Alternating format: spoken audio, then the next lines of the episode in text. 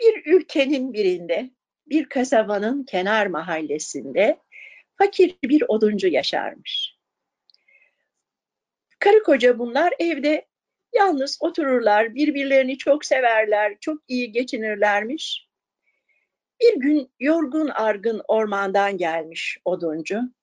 Yemeklerini yemişler, kahvelerini içmişler ve karısına demiş ki o arada ocak da böyle çıtır çıtır yanıyormuş. Ocağın alevlerine bakarak biliyor musun demiş. Çok şükür hayatımız güzel gidiyor. Ama bir de çocuğumuz olsaydı sanki evimiz daha neşeli olur, daha hareketli olur. Biz sanki daha mutlu oluruz gibi geliyor bana demiş. Karısı hiç ses çıkarmamış. O da üzülüyormuş. Aa, evet Erdem kuşunu da getirdi. Çok güzel Erdem. Bırak o da dinlesin masalı. Olur mu? Ama senin yüzünü de göreyim. Hı, kenara koy kuşunu. Evet. Kadıncağız bir şey söylememiş kocasına ama yanan alevlere bakmış. Allah'ım demiş. Ne olur bana bir çocuk ver. Çok iyi kalpli, çok güzel, cesur, mükemmel bir çocuk olsun. İsterse boyu parmak kadar olsun demiş. Aradan epey bir zaman geçmiş. Yaradan bu isteği duymuş. Bu tatlı aileye bir yıl sonra bir bebek gelmiş. Ve bu bebek çok kolay doğmuş. Ellerine herkes şaşırmış doğunca. Çünkü babasının baş parmağı kadarmış. 10-12 santim boyunda. Tabii hiç birbirlerine bir şey söylememişler, üzülmüşler ama e, gene de bebeklerini bağrına basmışlar. Bizim oğlumuz o demişler. Çok tatlı, çok güzel demişler. Ne olursa olsun biz onu çok seviyoruz demişler. Ve çocuklar bebeğin adını ne koymuşlar? Parmak çocuk. Siz bu masalı duydunuz mu daha önceden? Ha, sesim bana gelmiyor ama umarım benim sesim size geliyordur. Şimdi çocuklar evet adı parmak çocuk. Grimm kardeşlerin ünlü hikayelerinden biri ve bütün dünya çocukları ben de dahil bunları okuyarak büyüdük. Güzel bir masal parmak çocuk. Ve işte böylece anne de baba da hiç üzülmemişler. Çocuklarını çok sevmişler. Avcuna alıp onunla konuşuyorlarmış böyle. Masaya oturtuyorlarmış. Ee, herhangi bir şey olunca baba onu omuzuna koyuyormuş. Hani küçük kuşlar gibi bazıları çıkıp omuzumuza konuyor ya. Oturtuyormuş oraya. Bunlar çok güzel yaşıyorlarmış. Belki oğlumuzun boyu uzar diye e, kasabanın en iyi çift e, şey keçilerinin sütünü veriyorlarmış. En tatlı balları veriyorlarmış. Çok güzel meyveler, sebzeler, etler, tavuk suyu, yumurta, süt. Fakat en fazla 15 santim o kadar 15 santim olmuş parmak çocuğun boyu. 7-8 yaşına geldiği zaman öyle akıllı, öyle zeki, öyle güzel bir çocukmuş ki anneye, babaya devamlı yol gösteriyormuş. Bunu böyle yapalım, şunu şöyle yapalım. Bakın nasıl olacak? Kendisi beden gücüyle yardım edemese bile zihin gücüyle, kafa gücüyle, aklıyla bu aileye, anne babaya çok yardım ediyormuş. Bir sabah oduncu uyanmış, kahvaltısını etmiş, kahvesini içmiş. Karısına demiş ki bugün kendimi öyle yorgun hissediyorum ki dün çok ağaç kestim, oraya bıraktım. Gidip o odunları toparlamam lazım. Ama arabayla gidip de o odunları arabaya koyup getiremem. Çünkü çok birkaç defa gidip gelmem lazım. Gidemeyeceğim ama ben şimdi ormana gideceğim. O odunları bir köşeye toplayacağım. Bir iki gün sonra biraz kendime geleyim. Ondan sonra gidip alırım odunları demiş. O sırada da da parmak çocuk hemen babasının arkasında böyle bir terliğin içine oturmuş onları dinliyormuş. Tıpkı Erdem'in beni dinlediği gibi. Evet. Sonra baba diye bir ses duymuş. Ne oldu demiş oduncu bakmış arkasına. Baba üzülme ben arabayı sana getiririm demiş. Sen git odunları toparla demiş. Hiçbir yere de koyma arabanın içine koyarsın. Ben iki üç kere gider gelir odunları eve taşırız demiş. Sonra annem de yerleştirmeye yardım eder demiş. Bu parmak çocuk çok akıllı olduğu için ve anne baba artık ona çok güvendikleri, çok sevdikleri için her dediklerine peki evet olur derlermiş. Çünkü çok akıllıca işler yaparmış çocuk. Ve de yapacağım ben bunu deyince mutlaka yaparmış. Yapamayacağı için de yaparım demezmiş. Çok dürüst, cesur ve aklı başında bir çocukmuş. Babası hiç tereddüt etmemiş. Benim oğlum bunu yaparım derse mutlaka yapıyordur demiş. Yapar yani demiş. Ve kendisi hadi bana alasma aldık. O zaman annen de siz arabayı hazırlasın annen. Atı da bağlasın. Bakalım nasıl geleceksin çok merak ediyorum demiş. Babacığım demiş sen beni nasıl cebinde taşıyorsun kasabada dolaşırken? Annem beni demiş atın kulağına oturtacak. Ben atın kulağının dibinde de de diyeceğim demiş. Durmak gerekirse dur diye bağıracağım demiş. Ve ben onu sana ormana getireceğim hiç merak etme demiş. Tamam öyleyse demiş babası çıkmış evden. Parmak çocuk kahvaltısını bitirmiş, hazırlanmış, giyinmiş. Annesi de o sırada çok güzel bir atları varmış, arabaya onu bağlamış. Parmak çocuğu da atın kulağının yanına oturtmuş. Ama kulağını biraz içine oturtmuş ki düşmesin sarsıntıdan filan diye. Ve atın kulağında hadi bakalım de demiş parmak çocuk. Kasabadan geçiyormuş. Aa, arabada hiç arabacı yok. Araba kendi kendine gidiyor. Acaba atlar at aldı kaçırıyor mu arabaya diye bakmışlar. Sonra tanımışlar. Aa bu bizim oduncunun arabası. Garanti parmak çocuk içindedir o götürüyordur demişler. Çünkü bütün kasaba, bütün şehir parmak çocuğu tanıyormuş artık. Ve böylece parmak çocuk ormana gelmiş. E, hatta o arada başka bir oduncu dur dur beni de al beni de ormana götür demiş ama parmak çocuk e, kulağın içinde olduğu için görmemiş onu o doğru gitmiş duymamış da. Neyse tam ormana girmiş arabanın sesinden at, atın koşturmasından filan ağaç altında iki tane adam uyukluyorlarmış. Bunlar uyanmışlar esneyerek ne oluyor ne oluyor demişler. Bir araba demiş arkadaşı. Arabanın içinde hiç kimse yok demiş. At götürüyor arabayı. Gel şuna sahip çıkalım, köyde satalım, parasını alalım demiş. Meğer bunlar o şehrin hırsızlarıymış. Gündüz bütün gün orman içinde ağaçlarda filan uyurlarmış. Gecede zengin evlerine girer hırsızlık yaparlarmış. Ve de polis ararmış ararmış da hiç bulamazmış bu hırsızı iki hırsız. Polis hiç bulamazmış. Ama kasaba halkı çok şikayetçiymiş bundan. Ve de bunlar arabayı takip etmişler. Şimdi arabayı kaçırmak istiyorlar, tutmak istiyorlar ya. Biraz sonra arabanın oduncunun yanına geldiğini görmüşler. Parmak çocuk bağırmış. Baba baba atın sağ kulağındayım al beni oradan demiş. Babası elini sokmuş kulağına almış çocuğu avcunun içine. Hoş geldin benim akıllı oğlum sen ne kadar güzel bir insansın ben seni çok seviyorum demiş. Omzuna oturtmuş. Ondan sonra da odunları birer birer tabii parmak çocuk odunu kaldıramaz ama babası yerleştirmiş arabaya.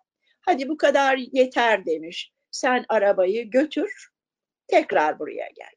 Ve iki üç defa böyle servis yapıp odunları taşımışlar. Artık son odun parçası kalmış. Yani son araba gidecek. Ve de günde batmış, akşam karanlığı olmuş. Hırsızlar ağacın arkasında, çalıların arkasında bunları hiç kıpırdamadan seyretmişler. Bir tanesi demiş ki, biz bu çocuğu kaçıralım, sirke satalım. Hani sirkler var ya, hayvanların filan o eğlence, oyun yaptığı e, topluluklar.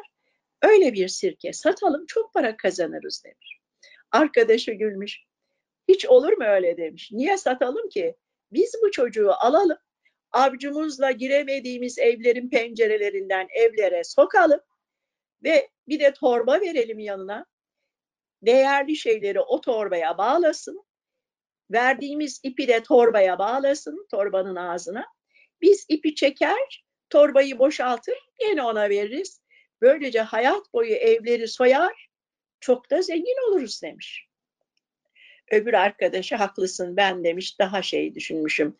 Ee, senin düşüncen bizim için daha faydalı olur. Öyle yapalım demiş. Peki nasıl alalım o çocuğu babasının elinden?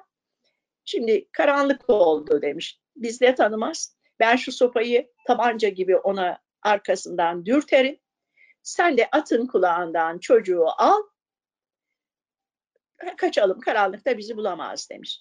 Onun için o saate kadar beklemişler zaten yakalanmasınlar diye. Ve de hakikaten tam kasabaya gelecekleri sırada adamlar arabayı durdurmuş. Bir tanesi sopayla babanın arkasından sanki tabanca varmış gibi elinde e, oduncuyu korkutmuş. Öbürü de kulağından çocuğu almış, kaçmışlar. Oduncu hiç anlayamamış parmak çocuğun çalındığını. Doğru eve gelmiş karısına demiş ki oğlumuzu atın kulağından çıkarıver. Kadın atın iki kulağını da aramış yok.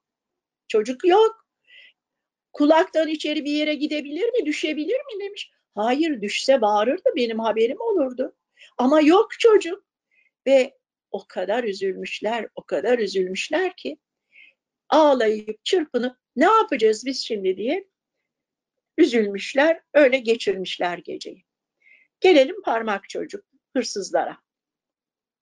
Hırsızlardan biri kocaman avcunun üstüne oturtmuş çocuğu. Bana bak çocuk demiş. Hiç bağırmayacaksın. Sesin de çıkmayacak. Sen artık bizimle çalışacaksın. Biz ne dersek onu yapacaksın. Eğer bizim dediklerimizi yapmazsan anneni de babanı da öldürürüz, evinizi de yakarız ve seni de yok ederiz. Şimdi akıllı bizim çocuk hiç bağırmamış, ağlamamış, hiçbir şey. Peki amcalarım demiş, kabul ediyorum. Anneme babama dokunmayın, evimize de dokunmayın. Ben siz ne isterseniz yapacağım demiş. Sevinmişler. Aferin, aferin. Hadi gidelim şimdi karnımızı doyuralım demişler. Bir lokantaya gitmişler parmak çocuğu da ceplerine koymuşlar herkes görmesin diye. Çünkü parmak çocuğu herkes tanıyor kasabada. Görseler hemen adamları yakalatacaklar. Ve de onu da yiyecek ne istiyorsun demişler. Ne istediyse onu da cebine koymuş. Hadi sen buradan ye demişler çocuğa. Kendileri de yemek yemiş. Biraz oyalanmışlar lokantada. Gece yarısı olunca çıkmışlar bir o kasabada tanınan iş adamının bir zenginin evine. Bu hırsızlar o eve belki on kere gitmişler. Fakat evin etrafındaki demirlerden dolayı asla içine girememişler. Ama birçok insanlar gece e, olunca perdeleri kapatmazlar. Kimse görmüyor filan diye. Fakat işte bazı kötü niyetli insanlar aydınlık odamızı dışarıdan gece görebilir bu villanın da pencereleri, e, perdeleri örtülü olmadığı için e, içeridekilerin yaşayışını hırsızlar hep görürmüş ve bu zenginlerin hangi odanın, hangi dolabında paralarının, altınlarının olduğunu biliyorlarmış. Hazine odası demişler oraya da. Parmak çocuğa demişler ki bak bu evin şurasında bir hazine odası var. Biz seni camdan oraya bırakacağız çünkü parmaklıklardan biz asla giremedik ama sen girebileceksin. Ve sana bir torbayla bir de ip vereceğiz. Torbayı Doldurduktan sonra altın, gümüş, mücevher ne bulursan bağlayacaksın. Biz çekeceğiz torbayı alacağız, boşaltacağız, tekrar torbayı sana vereceğiz. Artık kaç defa ne kadar bulursan hepsini koyacaksın. Hiç sesini çıkarmadan bu işi yavaş yapacaksın demişler. Peki amcalarım yaparım demiş. Ne isterseniz yaparım. Ve camdan bir küçük kesmişler bir parça. Çocuğu eliyle içeri bırakmışlar. Torbayı da sokmuşlar içeriye. İple bağ, ipi de vermişler eline. Şimdi parmak çocuk çok akıllı tabii. Bu hırsızları kandırıyor. Onlara iyi davranıyor. Kendisine ve annesine, ailesine zarar vermesin diye. Ama hemen içeriye girince böyle orada bir demir sopa gibi bir şey bulmuş, maşa gibi. Onunla ne kadar böyle büyük ses çıkartacak şey varsa, gürültü yapacak, oradaki vazolar, şunlar bunlar yani evde ne varsa hepsini devirmiş, hepsine güm güm güm güm vurmuş. Uyanın, uyanın ev sahibi. O arada bunu evin e, bekçileri de varmış tabii. Onlar duymuşlar ve bekçiler koşa koşa evin etrafını dolaşmışlar. İki adamı camın altında beklerken yakalamışlar. Elini ayağını bağlamışlar. Ondan sonra gelip ev halkını da uyandırmışlar. Ee, evin babası gelmiş. Bakmış minicik bir çocuk. Çocuk sen de kimsin demiş. Nasıl girdin buraya demiş. Nasıl bağırıyorsun, gürültü yapıyorsun öyle deyince e, korumalar, bekçiler, işte o villayı bekleyenler gelip her şeyi anlatmışlar adama. Adam çok mutlu olmuş. Parmak çocuğu avcunun içine oturtmuş, onu böyle çıkarmış, konuşuyormuş onunla. Yavrum sen ne akıllı çocuksun. Hiç gücün olmadığı halde aletler kullanarak gürültü çıkarttın. Bekçilere haber ulaştırdın. Ben seni çok sevdim demiş. Sen şimdi uyu demiş. Ben o hırsızları polise teslim edeceğim. Sabahleyin de seni annene babana götüreceğim. Ne istersen yemek sana versinler demiş. Masanın üstüne parmak çocuğu bırakmış. Evdeki yardımcılara da ne istiyorsa verin. Hatta bir küçük yatak yapın, uyusun dinlensin çocuk demiş. Gece yarısı çünkü oluyor bunlar. Ve de çocuklar hırsızlar yakalanmış, polise teslim edilmiş. Komiser şaşırmış. Biz bu adamları senelerdir aradık aradık bulamadık. Siz nasıl tutup getirdiniz diye teşekkür etmiş bile o adamcağıza. Ertesi sabah uyanmış e, evin sahibi. Beraber kahvaltı etmişler. Parmak çocuğa ailesini sormuş, babasını sormuş. Keşke demiş senin gibi böyle çok akıllı, çok cesur, dürüst, kendine güvenen bir oğlum olsaydı da parmak kadar olsaydı o da demiş. Ve hadi gidelim şimdi size demiş. Binmişler faytonlarına. O zamanlar çünkü at arabaları var. Taksi, otomobil falan yok. Ve doğru kasabanın kenar mahallesindeki oduncunun evine gitmişler. Sabah anneyle babanın gözleri ağlamaktan şişmiş. Eyvah eyvah oğlumuza ne oldu diye ne yemek yemişler ne su içmişler bütün gece uyumamışlar kahır içinde ne yapacaklarını düşünüyorlarmış. Onları görünce öyle anne de baba da nasıl sevinmişler. Hemen çocuklarını almışlar, sevmişler, öpmüşler. Baba gene omuzuna oturtmuş onu. Gelen adamcağız, villanın sahibi, yanında da böyle iki torba altın getirmiş onlara. Demiş ki bunu size oğlunuza hediye ediyorum. Oğlunuz benim evimi çok büyük bir felaketten kurtardı. Hırsızlar basmıştı evimi. Şimdi demiş ben bunları size hediye veriyorum. Oğlunuzu çok seviyorum. Keşke benim de böyle bir oğlum olsaydı. Siz çok şanslı insanlarsınız demiş. Ve Bir de sizde demiş isteğim var. Oğlunuza bir öğretmen tutacağım. Eve gelecek her gün. Ona okumayı, yazmayı, aritmetiği, dünyayı, bilgileri, her şeyi öğretecek. Onu çok güzel yetiştirecek. Bütün masraflarını ben karşılayacağım.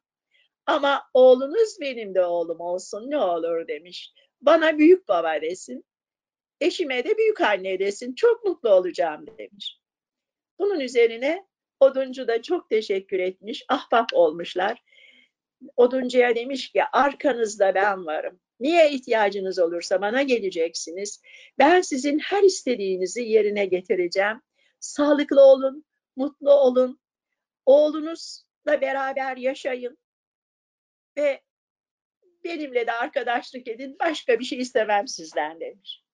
Böylece çocuklar işte akıllı parmak çocuk anne babasının hayatını değiştirmiş, kendi hayatını değiştirmiş, okumuş, çok şeyler öğrenmiş, olduğundan daha da aklını kullanan bir çocuk olmuş. Onlar ermiş muradına, biz çıkalım tahtına değil mi?